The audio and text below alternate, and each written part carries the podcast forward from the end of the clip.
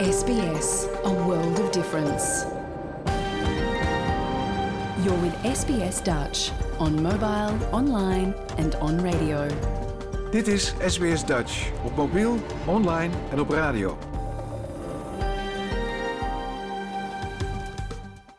Graag erkennen wij de traditionele eigenaren en verzorgers van het land van waar we vandaag SBS Dutch uitzenden en uiten we ons respect aan de Camaragal mensen van de Kurungay Nation en hun ouderlingen uit het heden en het verleden. Ook kennen we de traditionele eigenaren van alle Aboriginal en Torres Strait Islander landen van waar u vandaag naar ons programma luistert.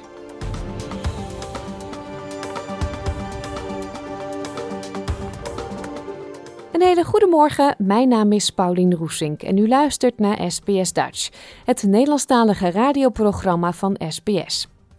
Deze woensdag hebben we een programma boordevol muziek en bijzondere gesprekken voor u.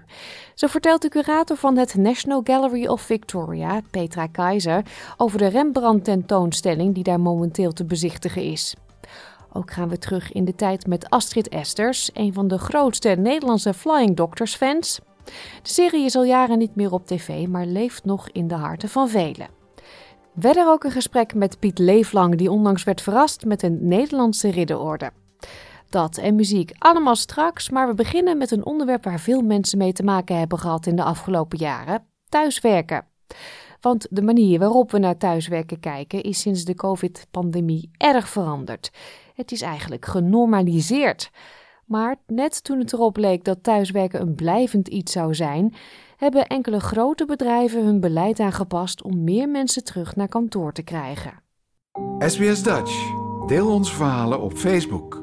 Voor veel medewerkers is sinds de COVID-lockdowns de traditionele vijfdaagse werkweek verleden tijd. I do three days in the office and two days at home. I, I think it'll become uh, five days in the office pretty soon. I've only just started my job, so I'd rather go in a bit more regularly. Um, but I think that you know I'm pretty self-motivated, so I like to be able to have that option to work from home. Definitely, yeah. Maar veel bedrijven in de stad dwingen hun werknemers weer naar kantoor te komen, waaronder Combank. De bank heeft het personeel onlangs laten weten dat men verplicht de helft van de werkdagen naar kantoor moet komen. De vakbond van de financiële sector, waar het bankpersoneel onder valt, legt de zaak voor aan de Fair Work Commission.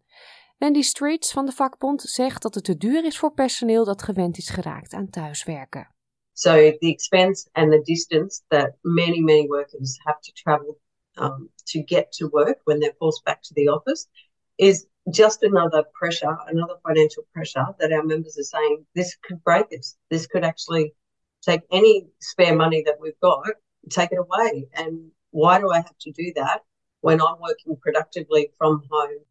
Combank verdedigt de verandering en zegt dat de dagen over een maand gemiddeld kunnen worden. In de verklaring zegt de bank dat het beleid de meerderheid van hun personeel toegang geeft tot de voordelen van een fysieke werkplek en de voordelen van werken op afstand. Bij NAB, de National Australia Bank, gaat het er heel anders aan toe. Die heeft ermee ingestemd dat bepaalde functies volledig op afstand kunnen worden uitgevoerd onder een nieuw Enterprise Agreement, samen met een loonsverhoging van 17,5% over vier jaar. Hoewel veel mensen geld besparen door vanuit huis te werken, zijn er bedrijven waar de lege kantoorpanden en daardoor de aanwezigheid van veel minder mensen in de CBD's een grote economische impact hebben. Café-eigenaar David Montoya zegt dat hoewel de zaken sinds de pandemie zijn aangetrokken, de populaire vaste thuiswerkdagen effect hebben op zijn omzet. So it's a lot better for us, but Mondays and Fridays is still a day, couple of days that the people really decide to stay at home. So it's a little bit tough those couple of days, but any other day, Tuesday, Wednesday, Thursday is really good. Uit de gegevens van de wereldwijde commerciële vastgoedgroep JLL blijkt dat het aanbod van commerciële huurpanden in de CBD's van de twee grootste steden in Australië nog nooit zo hoog was in de afgelopen twaalf maanden. Zowel in Sydney als in Melbourne is gedurende de drie maanden tot juni een toename van leegstand van kantoren te zien. En dat kan alleen maar erger worden nu de Community and Public Sector Union een deal heeft gesloten om personeel permanent thuis te laten werken tenzij er duidelijke zakelijke redenen zijn waarom dat niet zou kunnen. Dit verhaal werd geproduceerd door Kath Landers en Hannah Kwon voor SBS Nieuws en door SBS Dutch vertaald in het Nederlands. Gaan we verder met een heel ander onderwerp. Veel mensen in Australië zijn zich namelijk niet bewust van de ernstige gevolgen van het negeren van een boete. Van extra kosten tot het intrekken van uw rijbewijs of zelfs het in beslag nemen van uw persoonlijke eigendommen. De gevolgen kunnen aanzienlijk zijn. Meer informatie hoort u nu in een nieuwe aflevering van Australia Explained. Dit is SBS Dutch. Een boete is niets anders dan een straf voor het overtreden van de wet en die kunnen per staat en territorium verschillen. Verkeers, parkeer en vervoergerelateerde overtredingen zijn het meest voorkomend. Maar Julia Quilter, professor in de rechten aan de Universiteit van Wollongong, zegt dat er nog veel meer zijn. If you don't, for instance, turn up to jury duty, you can be fined for not doing that. Or if you don't vote at one of the compulsory elections in Australia, I mean, you can be fined for swearing in public. So it's known as offensive language. And now typically the offence is dealt with by way of a fine. You can be fined for dumping rubbish somewhere, for smoking in a place where you're not allowed to smoke. Verschillende overheidsinstanties handhaven en beheren boetes, afhankelijk van waar u in Australië woont en het soort overtreding. Ook het handhavingsproces kan verschillen. Nadat een kennisgeving van de overtreding is ontvangen, heeft de persoon meestal de mogelijkheid om de boete te betalen, een verzoek tot herziening in te dienen bij de relevante instantie of de boete aan te vechten bij de rechtbank. Dr. Quilter adviseert mensen goed na te denken over een situatie voordat ze besluiten naar de rechtbank te stappen. A fine is actually a criminal offence. And so if you pay it off, it doesn't go on your record. But if you elect to deal with that in court and it's upheld, then that forms part of your criminal record. People don't actually realize that. So sometimes people think, oh, it's outrageous that I've been issued this fine. I'm going to contest this in court. But most of the offences for which fines are issued are very hard to argue against. Kirsty Harrison is een Work Development Order advocaat bij Legal Aid New South Wales en gespecialiseerd in boetes. Ook het laten afhandelen van een boetezaak door de rechtbank kan volgens haar leiden tot extra kosten en zwaardere straffen. People should get legal advice before they court elect. There are strict time limits that apply, so don't delay. People who are on visas should certainly get legal advice before they court elect because if they're not successful in court, a conviction can be imposed and that conviction may breach the behavioural conditions of their visa. Onbetaalde boetes vervallen niet en kunnen late fees met zich meebrengen die kunnen oplopen. De overheidsinstantie die verantwoordelijk is voor het innen van boetes in uw staat of territorium kan mogelijkheden bieden om uw boete in termijnen terug te betalen. In New South Wales kan bijvoorbeeld een betalingsregeling aangevraagd worden bij Revenue New South Wales. Maar er zijn meer mogelijkheden, zo legt mevrouw Harrison uit. There are a number of alternative kind of resolution options like payment arrangements, like work and development orders, like write off applications. There are a number of ways that people can get help. So, I guess a key message is don't ignore the fine or don't ignore your fines. Either contact your local community legal centre or Law Access if you're in New South Wales and ask for some help. Hoewel straffen voor onbetaalde boetes per rechtsgebied kunnen verschillen, omvatten handhavingsmaatregelen doorgaans zaken als inbeslagname van eigendommen of het afschrijven van geld van uw bankrekening. Craig Howard is de waarnemend adjunct-secretaris van Fines Victoria, het overheidsorgaan dat belast is met het beheer en de handhaving van boetes in die staat. Hij schetst enkele consequenties waar wanbetalers mee te maken kunnen krijgen. So if you fail to pay the fine, fees will be added. Those fees will depend upon the nature of the underlying fine, so they differ. But it does mean you now have to pay more.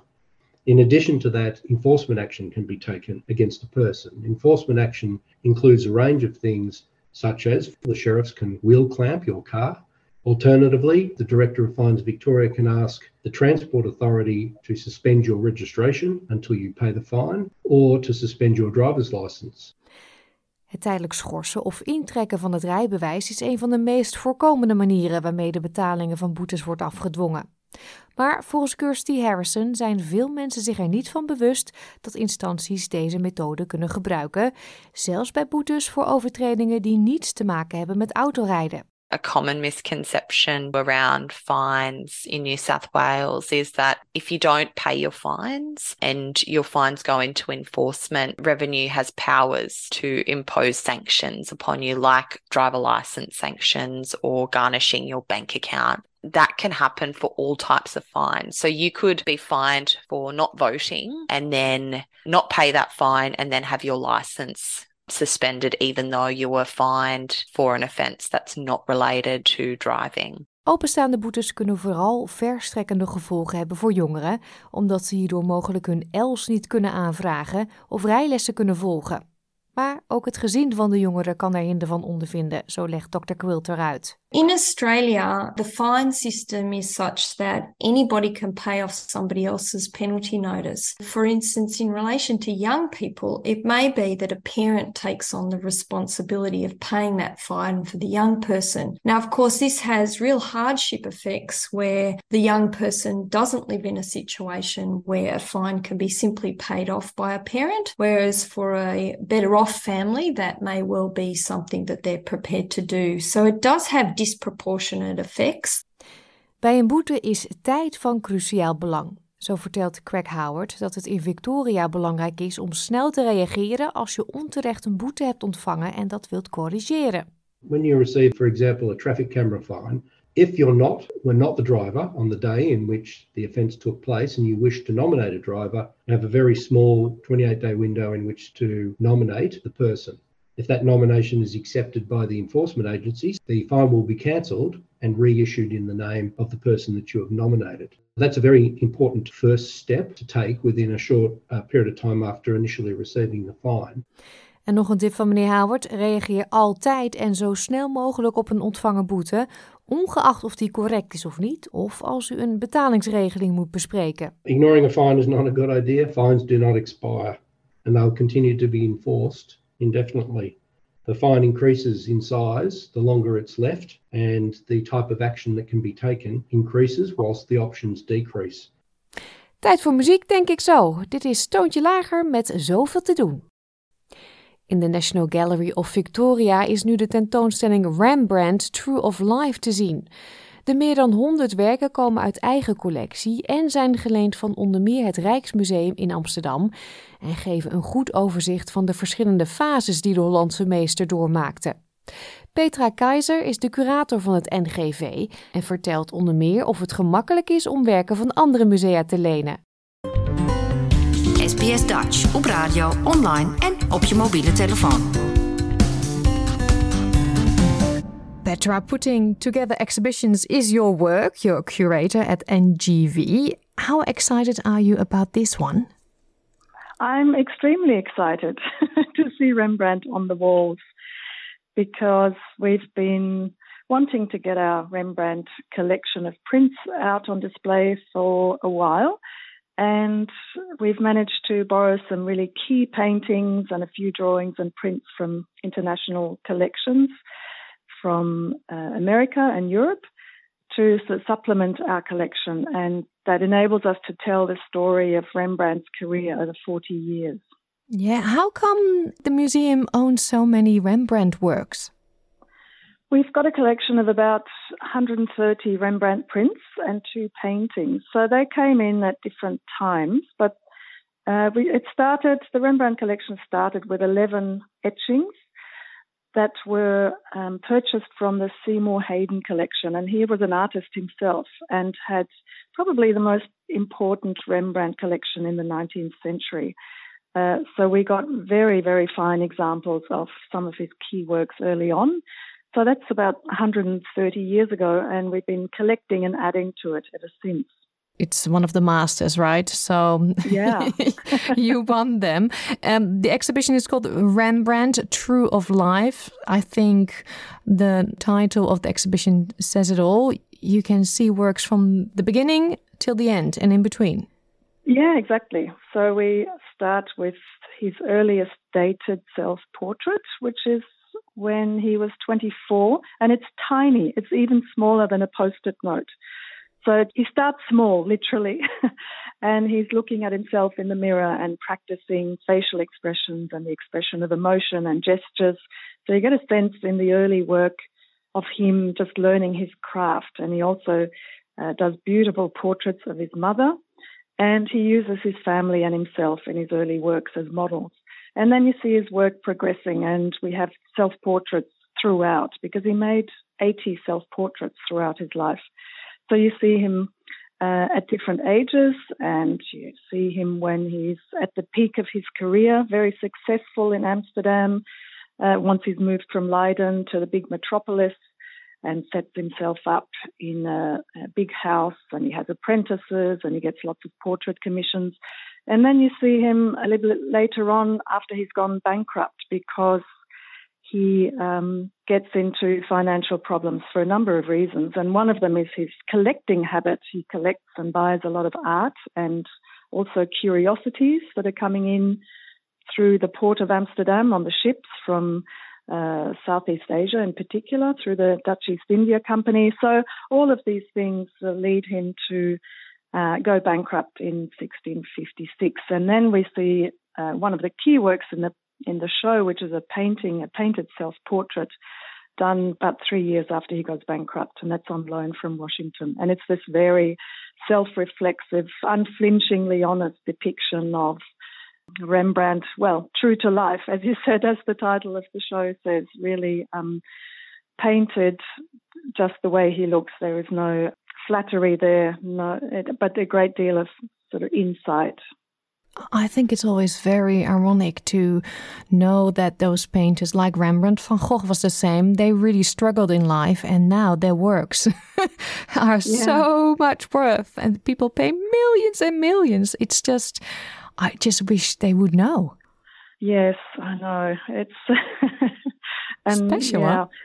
Yeah, it is. But you know, I think Rembrandt had a pretty good idea that he was unique and he would be famous beyond his lifetime. That I think is quite clear in some of his works and some of the the ways in which he represents himself. He he was um, very consciously uh, making work in etching and in painting that and thematically was different from what anyone else was doing. So I think he very consciously placed himself into you know the trajectory of art history. Yeah, you mentioned before most of the works are from the NGV's collection.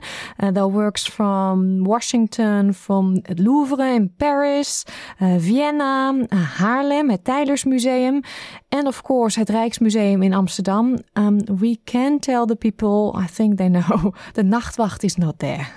no, the Nachtwacht never travels anywhere it's got a whole room to itself now. I think at the right. I know, yes. Mm. But but how does that work? If you have the idea, like, oh, I want to start a Rembrandt exposition, how does that work? Is it like a negotiation, or are other musea very happy to cooperate? Um, in principle, they're very happy to cooperate. but it is it's a negotiation, and you need contacts and you need to offer something in return, but it doesn't have to be very, you know, direct.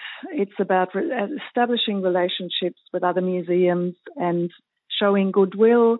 And in the longer term, we will be able to do things for them. So it's a sort of give and take. But a lot of museums will just not lend any Rembrandts because most only have two or three in their collection, and people in that city where they are, you know, go to the museum to see the Rembrandt. So if there's one or two missing, um, it's a really big deal. So um, it's only really the bigger museums who will lend them because they've got enough to still have their own on the wall for people to visit. Yeah. Which one are you the most proud of that you got from another museum? I'm very proud of the uh, self portrait the late self portrait from Washington. So that's really stunning. But they're all great. They all tell a story. And there's a very early one from the Rijksmuseum that he painted when he was only 20. So that's really interesting in terms of seeing how he develops. And then we've got this great landscape. That's the la- largest landscape painting he ever did. It's also from Washington. And beautiful drawings from the Tyler's Museum. So they're all great. And they all add to the sort of variety of his work. So we can show his nudes, his landscapes, his biblical subjects, his portraits, and also tell the family story because we've also got a portrait painting by his third partner and his son Titus. So um, yeah, it's it's really exciting to to see all that come together. Yeah, the uh, exhibition opened last weekend. How were the responses?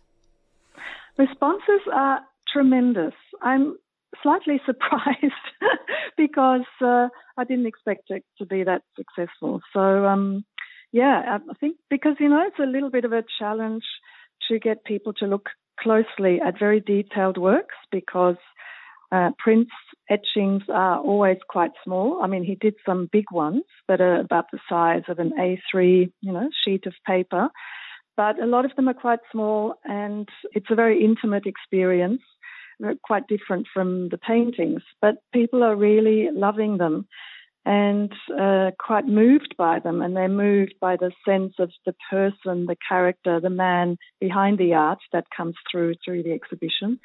And also, they're loving these cabinet of curiosities that I've put together, which is based on his collection, Rembrandt's collections of objects, so all kinds of objects that inspired him. They were musical instruments and um, marble busts and fossils and animals, stuffed animals, and Chinese porcelain and Japanese lacquerware and weapons because he used these things as props in his paintings. But uh, of recreated a little impression of that collection and of his art collection. So works by artists who he admired and collected and who influenced him. So I think that's a real surprise for people. It's a bit of a, a breakout space in the middle of the uh, all the artworks on the walls, suddenly get this uh, three dimensional experience of objects.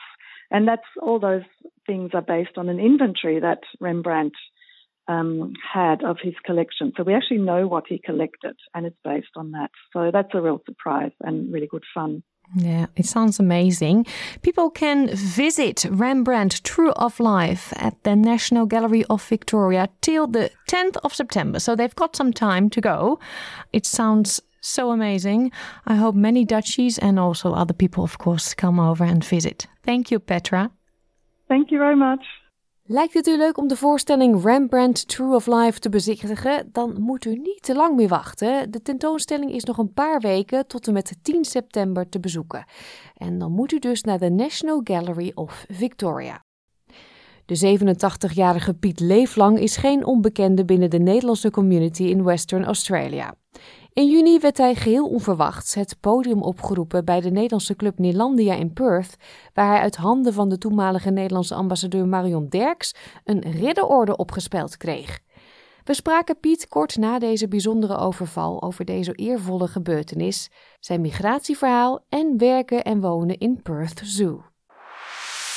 Jouw gemeenschap, jouw gesprek, SBS Dutch. Ja, meneer Piet Leeflang, hoe groot was de verrassing eh, van de week toen u daar uh, de ambassadeur zag? Nou, het was een geweldige verrassing. De Nederlandia, de Hollandse club, die hadden uh, een lunch, een, een dinner georganiseerd voor de vrijwilligers die altijd de club geholpen hebben. En daar was ik natuurlijk ook bij. En een paar mensen zouden ze eren. En ik had, ik, ik, had geen flauw idee wat er nou precies ging gebeuren, want ze hadden alles geheim gehouden voor mij. Het is wel een paar jaar in beweging geweest, maar, maar toen kwam de ambassador binnen en de Dutch honorary consul van, van West-Australië kwam binnen. Ik denk, wat gaat er nou in godsnaam gebeuren? En, Nog steeds niet meteen het, oh dat is voor mij natuurlijk. Ja, ja toen dacht ik, nou er is iets gaande, maar ik wist, had geen flauw idee. En toen uh, werd ik naar voren geroepen natuurlijk en de ze begon wel, uh, zus en zo, je bent officieel uh, benoemd tot ridder in de orde van Nassau. Ik denk, nou, nou, ik was zo verbaasd. Nou, geëerd ook natuurlijk, want dat is iets, niet iets wat zo erg gebeurde. Nee. ik kreeg toen de, de medaille van haar. En toen uh, moest uh, Joke, mijn vrouw, moest ook naar voren komen. Ze zeggen, achter iedere goede man is een goede vrouw. Dus die kreeg ook nog een, um, een, pakket met een mooie Delftsblauwe schaal erin. En ook een hamper van allemaal producten van West-Australië. En Nederlandse producten natuurlijk. Zo, dat was de tweede verrassing. Ja, dus ik spreek nu met Ridder Piet. nou, het zeg maar gewoon Piet hoor. ik vind Ridder Piet toch wel heel leuk klinken. ja. ja. Eh, wat betekent dit voor u? Wel, ik, uh, ik voel mij ontzettend geëerd en, en humble. Ik denk, nou waarom niet? Wat heb ik godsnaam gedaan wat anderen niet gedaan hebben? Maar toen is het hele lijstje uh, oplazen wat ik allemaal voor de Nederlandse club gedaan heb en zo en zo. Denk ik, nou ja, er zijn er niet zoveel die dat, want ik ben uh, een van de oprichters van de Nederlandse club hier. Die was in uh, 1968 zijn we ermee begonnen. Om al de, al de clubs hier eh, bij elkaar te krijgen. Om een ja, want dat was allemaal een beetje versnipperd, hè? Er waren meerdere clubs. Ja, er waren hier een stuk of twaalf clubs veranderd. Er waren drie koren en, en alles. En toen hebben we met de Hollandse consul, hebben, die heeft iedereen bij elkaar geroepen. En toen uh, gingen ze praten om een Hollandse club te vormen.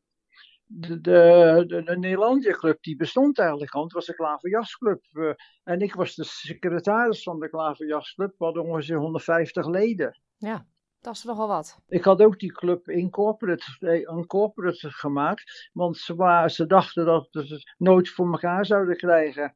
Maar het is toch gelukt om uh, de meerderheid, behalve de voetbalclub, daar ging er niet mee akkoord.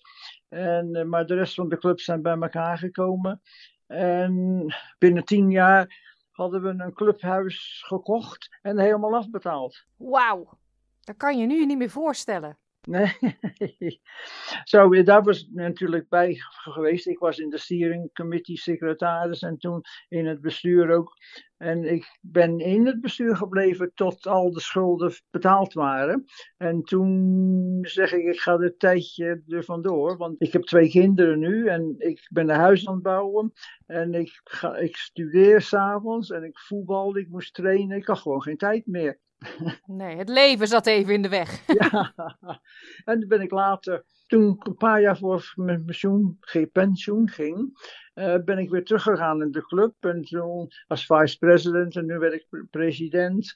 En um, dat heb ik 15 jaar gedaan eigenlijk, in het bestuur gezeten. En toen zeg ik, nou genoeg is genoeg. Maar ik heb toch daarna ben ik editor van het Maandblad gebleven. En dat heb ik de laatste, uh, ik geloof, 13 jaar al gedaan, geloof ik. Ja, dus die club die laat u niet los. Dat, dat blijft. Ja, ja, ja, dat is wel zo. Want ik ben ook iemand die uh, niet s'avonds naar tv gaat kijken. Ik wil altijd wat te doen hebben. En uh, ja, als ik eenmaal wat doe, dan doe ik het goed. Ja, en wanneer bent u eigenlijk naar Australië gekomen? Want dat Nederlands van u is echt nog uh, geweldig. Oké, okay, ik ben in 1954 met mijn ouders en een jongere broer die toonblik in Sydney woont, hier naartoe gekomen. En, uh, Als een klein Pietertje. Nou, ik was 18 al hoor. Oh. Ik ben zo jong niet meer, ik ben 87. Oh, nee toch? Dat ja. is niet te horen. maar ik ben nog steeds heel goed. Gezondheid is goed, ik sport, ik doe van alles en nog wat. Ik ben nog uh, goed ter been, ja. En, en, waarom wilden uw ouders naar Australië toe? Oh, het, was die, het was net uh, na de oorlog, in 54. En mijn vader die had een broer en die was al in Perth. Die was al geëmigreerd en die stuurde brieven terug aan foto's van, van Perth. En um, dat zagen ze. En toen ineens zei mijn vader, ja, wat doen we hier eigenlijk? Ik ga mijn broer opzoeken. En uh, nou, ik, ik, was ervan verbaasd natuurlijk. Want uh, ik denk, nou, dat uh, Perth ziet er mooi uit. En dat, als een 18-jarige jongen wil hij wel een avontuurtje meeleven. Dus dat vond u helemaal niet erg toen u Want dat lijkt me best een lastige leeftijd, 18. Ja, het was een lastige leeftijd. Want je hebt al je vrienden en, en je voetbalclub. En uh, wat het was, is, is, het was het ergste eigenlijk, was te, te, studeren. In Nederland was ik nog studeren. Ik ging naar de avondschool toe in Rotterdam, Erasmus. En ik was aan het leren om technisch ja, het was in de techniek eigenlijk. Ik moest na, s'avonds naar school toe, maar ik moest ook twee jaar in de praktijk werken. En dat was allemaal natuurlijk opgegeven. En toen ik hier kwam, uh, dan moest je natuurlijk gelijk werken. En uh, wij arriveerden op, de, uh, op vrijdag geloof ik. En maandag gingen we gelijk naar de, naar de arbeidsdienst om, om een baantje te vinden. Mijn vader werkte in de haven in Rotterdam. En die kreeg een baantje in de diergaarden als gewoon uh, laborer. Weet je wel, gewoon werken. En ik zelf ben toen, omdat ik kon lassen, ik ben als een lasser gaan werken. En na twee jaar kreeg ik ook een baan in de zoo. Ik was eventjes zonder werk. En ik kreeg een baan in de zoo en ik zou eerst werken in de maintenance division. En dan zou ik dan uh, al het uh, metaalwerk en zo gaan doen. Maar toen zei de hoofd van de diergaarde, we hebben net iemand ontslagen die een paar kratjes met Coca-Cola ge, ge, gestolen had. Uh, wil je met beesten gaan werken? Dat heb ik toen gedaan. En dat heeft u ook uw hele leven gedaan? Toen ik eenmaal een paar jaar werkte als een oppasser, werd er gevraagd of ik naar avondschool gaan, zou gaan, een paar diploma's te halen, dus en zo. Want apparently, ze zagen wel wat in, me. En toen ben ik in 1969 ben ik overseer. De overseer ging met pensioen. Ik kreeg de baan, nam ik over van hem betekent ook dat je de diergaarde moest wonen in een huis. En de, de, volgende 30 jaar heb ik in de diergaarde gewoond. En ik was overseer, superintendent, manager. Ik ben van alles en nog wat geweest, maar toch altijd uh, bij de top. Ja. Ik had altijd alleen de directeur boven me. Dus dat ging eigenlijk heel goed. Dus als zeg maar knaap van in de twintig ook nooit gedacht, nou uh, ik heb het hier gezien, ik ga terug naar Nederland. Nee, wij zijn wel met vakantie, maar uh, nee, we hebben nooit, nooit heimwee gehad. Want Joke, mijn vrouw Joke, die was in 53 gekomen. En die ontmoette ik het omdat een vriend van mij hier met voetballen, die, die woonde bij hun in.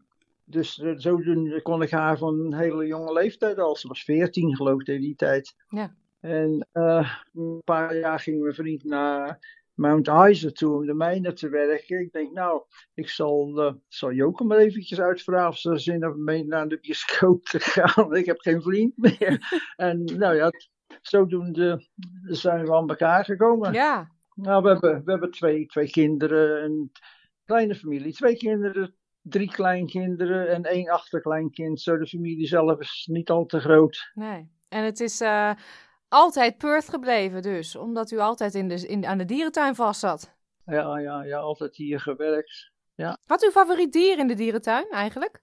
Oh, toen ik uh, oppasser was, vroeg ik om, ik wou niet op een vaste ronde. Ik wou in, overal door de hele diergaarde, ik wou kennis opnemen van, van alle dieren die aan de hand was, wat er allemaal aan de hand was. Maar de favorites waren uh, orang-oetangs. In het begin was er geen waardige in orang-oetangs. Maar in uh, 1961 ben ik toen met de boot naar Singapore gegaan. om allemaal uh, Australische dieren weg te brengen naar de Sultan of Johor. En die had een grote collectie met orang-oetangs. En die heb ik toen met de boot teruggebracht. Vier, vier heb ik er teruggebracht op de boot. Wat bijzonder. Ja, ik heb een heel, uh, heel interessant leven gehad hoor. Ja. Want na al die tijd in, in de diergaarde uh, ik, werd ik ook beloond met een uh, Public Service Medal. Dat is een Australische medal, dat is uh, Order of Australia. Ook ja. En nog even terug naar uh, die 25 juni, toen u de ridderorde kreeg. Ik neem Mhm. aan dat dat toen even goed gevierd is en dat de familie er ook was. Ja, het was natuurlijk op, op het diner. Er waren 60 mensen op, op het diner de- toen, dat, toen ik het kreeg. En eh, ja, dat, dat, dat, dat is een feest bij, in het zelf al. Want ik ben toen, natuurlijk iedereen wou die medal zien en moest met al de tafels rondlopen om de mensen de medal te laten zien. Want het is, eh, het is wel zo, je, je mag hem alleen op, op hele officiële avonden dragen. Dus Ja. Nou, de club in Perth eh, mag zijn handjes dichtknijpen met mensen zoals u. Van harte gefeliciteerd met de ridderorde. nou, wel, wel heel, heel bedankt. Nu muziek, het dorp van Wim Sonneveld. Onlangs reisde een groep Nederlandse Flying Doctors fans af naar Australië voor een bezoek aan Minjip, de stad die ook wel bekend staat als Cooper's Crossing, en ontmoetingen met enkele acteurs uit de serie. Astrid Esders, de oprichter van de Flying Doctors fanclub in Nederland, die bestond van 1989 tot 1995, organiseerde de reis. Want wat blijkt, bijna 40 jaar later leeft de serie nog steeds. Toen ik als klein kindje eh, mijn oom en tante uit Australië voor het eerst zag, toen ze weer op visite waren in Nederland, had ik zoiets van wow. En ze hadden natuurlijk dia's in die tijd bij en lieten ze zien. Zei ik, oh, als ik later groot ben, dan wil ik ook naar waar ome Gerrit en tante Til woont. Dus eh, ja, dat, dat was natuurlijk een, een droom. Toen kwam er een bepaalde serie op tv. Ja, want we gaan naar de eind jaren tachtig, hè? Ik kan zo die leader instarten en denk ik dan dat iedereen weet waar we het over hebben.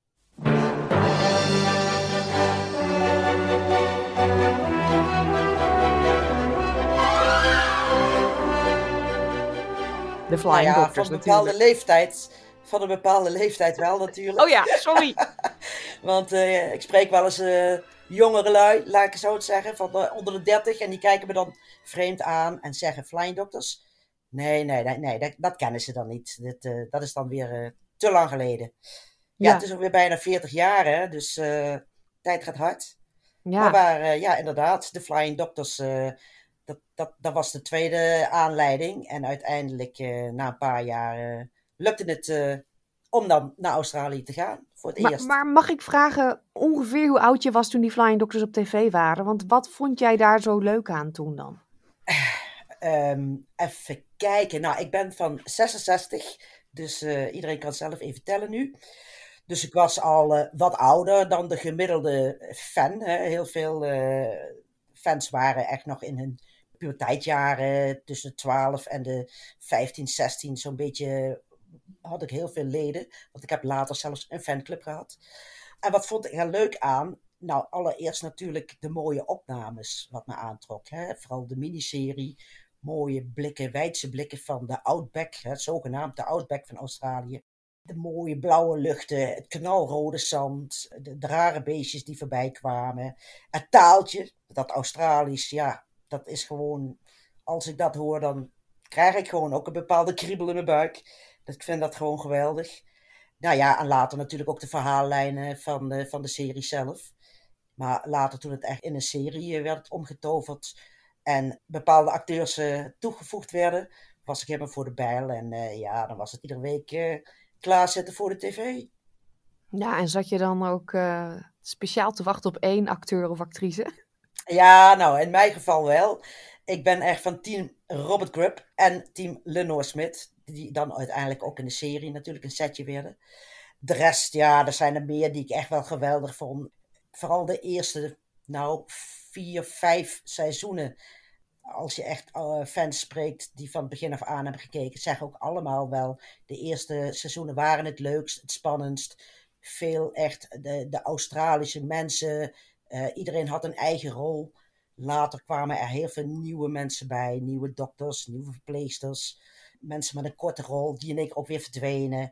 Maar die eerste jaren, ja, dat was fantastisch. En eh, natuurlijk was je blij als eh, jouw favoriet meer in beeld was. En er waren ook wel eens afleveringen dat ze er niet waren. Ja, hm, vond je dat toch een beetje jammer, stiekem, hè? Ja, Victor Charlie Charlie, dat is denk ik zoiets wat ik best wel eens vaak zeg. Mike Sierra Foxtrot. Dat zijn van die eh call signs. Ja, Ja. Dat, eh, dat, dus voor een echte fan is dat gelijk herkenbaar. Ja, en je zegt dus, je hebt de fanclub opgericht uiteindelijk. Ja, de VARA zond die serie destijds uit eh, op de Nederlandse tv. En er werd er ontzettend veel naar gekeken. Maar ik las er weinig over. En je wilde natuurlijk met andere mensen in contact komen. Dus op een gegeven moment had ik zoiets van... hé, hey, ik plaats een oproepje in de VARA-gids. En daar kreeg ik ontzettend veel brieven op. Ja, dat was overweldigend. En ik had zoiets van, nou ja, als zoveel mensen dat leuk vinden... is het misschien leuk om een keer een dag te organiseren. Ik denk, ja, dat kan niet bij mij eh, thuis achter de tuin of eh, in de woonkamer. Dus de varen gecontacteerd en eh, nou ja, gevraagd of zij misschien interesse hadden en ruimte hadden om zoiets te faciliteren.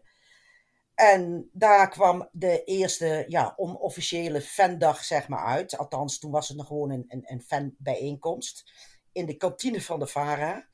Dat was eh, zelfs zoveel aanmeldingen dat we dat in twee middagen moesten splitsen. En van daaruit, tijdens, nou, na, ja, naar aanleiding van die middagen, kwam natuurlijk de vraag ook van de mensen: komt er nu ook een fanclub? Want wij willen meer weten van de serie, van de acteurs, wat ze nog allemaal aan het doen zijn en wat er nog meer gaat gebeuren. Dus ik had zoiets van: ja, nou ja, eh, eens kijken of eh, de VARA ook wil meewerken. Want ja, je moet natuurlijk ook wel informatie kunnen krijgen. En in die tijd, internet bestond nog niet. Alles moest per telefoon. En de fax. Maar ja, je moet natuurlijk adressen hebben, management en dat soort dingen. En ja, dat moest ik natuurlijk via de VARA zien los te peuteren. En uiteindelijk eh, hebben ze mij daarmee mee geholpen. En van daaruit is dat ontstaan. Dus ik ben volgens mij eind 89, begin 90 begonnen met de fanclub op te zetten. En dat was in eerste instantie een Nederlandse fanclub. Maar na, ja, ik denk 1, 2 jaar was verder in Europa ook nog niks. Dus ik kreeg ook steeds meer aanvragen uit het buitenland. Van mensen uit Duitsland veel, maar ook Engeland, Zweden, Italië. En ik bracht al een, uh, een fanblad uit. Maar op een gegeven moment heb ik maar een, een, een, een Duitsstalig blad ook uitgebracht. Want ja, Duitsers uh, zijn niet zo heel goed in het Nederlands. En de Engelsen, nou ja, die konden nog wel een beetje wat vertalen. En af en toe deed ik de, de, teksten ook in het Engels nazetten, een beetje in, in het kort. Maar ja, dikke 800, 900 leden had ik destijds. En ik heb maar was dat dan echt je leven? Daar was je echt uren mee bezig. Ja, nou ja, goed, buiten mijn baan. Al die jaren had ik ook een horecabedrijf. En al mijn vrije tijd ging in die fanclub zitten. Dus het was echt uh, ook heel veel s'nachts. Ja, daar, daar, ging al mijn vrije tijd in zitten. En ik deed dat met heel veel liefde en plezier. En het was echt nog het ouderwetse knip- en plakwerk. Maar goed, ik heb dat dus uh, bijna zes jaar gedaan ook uh, organiseerde ook fandagen in Nijmegen, waar ik woonde. Dus ja, ontzettend leuke, leuke jaren gehad. En, en dus met mensen nog steeds contact uit die jaren. Dat is heel grappig. Ja. Want ja, op de reis die ik afgelopen jaar heb gemaakt, daar zaten dus men, mensen bij die ook lid waren van de fanclub. En dan zijn we dus bijna 40 jaar verder. Ja, dat is heel grappig. Ja, over die reis zo meer. Eh, wat ik me afvroeg, als jij dan uit Nederland wel met behulp van de VARA dan mensen in Australië contact over een fanclub en 900 leden, hoe was die reactie? Hè, dat kleine landje aan de andere kant van de wereld. Nou, de acteurs kregen natuurlijk ontzettend veel post al uit, uit Europa en voornamelijk heel veel uit Engeland, maar ook heel veel uit Nederland en Duitsland. Alleen viel het ze op dat ja, Nederlanders schreven natuurlijk in het Engels Duitsers schreven in het Duits. Dus daar hadden ze dan niet zoveel mee. Maar ze vonden het altijd zo fantastisch. Uh, ja, die brieven kregen ze via het management natuurlijk binnen. Maar het waren er echt honderden, duizenden later. En op een gegeven moment zei ze: ja, dat, dat kunnen we echt allemaal niet meer uh, beantwoorden. Dus ze, ze, vonden het heel fijn dat er een fanclub was. Want dan ging het via mij. En dan kon ik de laatste nieuwtjes en updates in het fanboekje uh, zetten. Dus dan was iedereen blij. En dan hadden zij eigenlijk in één klap alles afgehandeld. Ja, die goede oude tijd van fanclubbladen. Ja, geweldig. Ik heb eh, ze straks even weer tevoorschijn gehaald. Want ik heb ze natuurlijk allemaal bewaard. En uh, ja, het is allemaal heel professorisch eigenlijk. Maar heel grappig om te zien. En mensen waren gewoon ontzettend blij. Stuurden tekeningen in, verhalen. Uh, sommigen reisden ook al zelf af naar Australië. En gingen bijvoorbeeld naar Minjip, het, het dorpje Cooper's Crossing om daar uh, ja, het dorpje te bekijken en video en foto's te maken. En die stuurden ze dan weer naar mij met een heel verslag dat ze in Minjip waren geweest en dat soort dingen. Ja, dat waren geweldige, geweldige tijden hoor, ja. Ja, geweldig. Nou zei je net al, uh, je laatste reis. Je bent uh, onlangs weer hier in Australië geweest. En um, met dus ook andere Flying Doctors fans. En jullie hebben een soort van toertje gedaan. En nog leuker, jullie hebben acteurs ontmoet.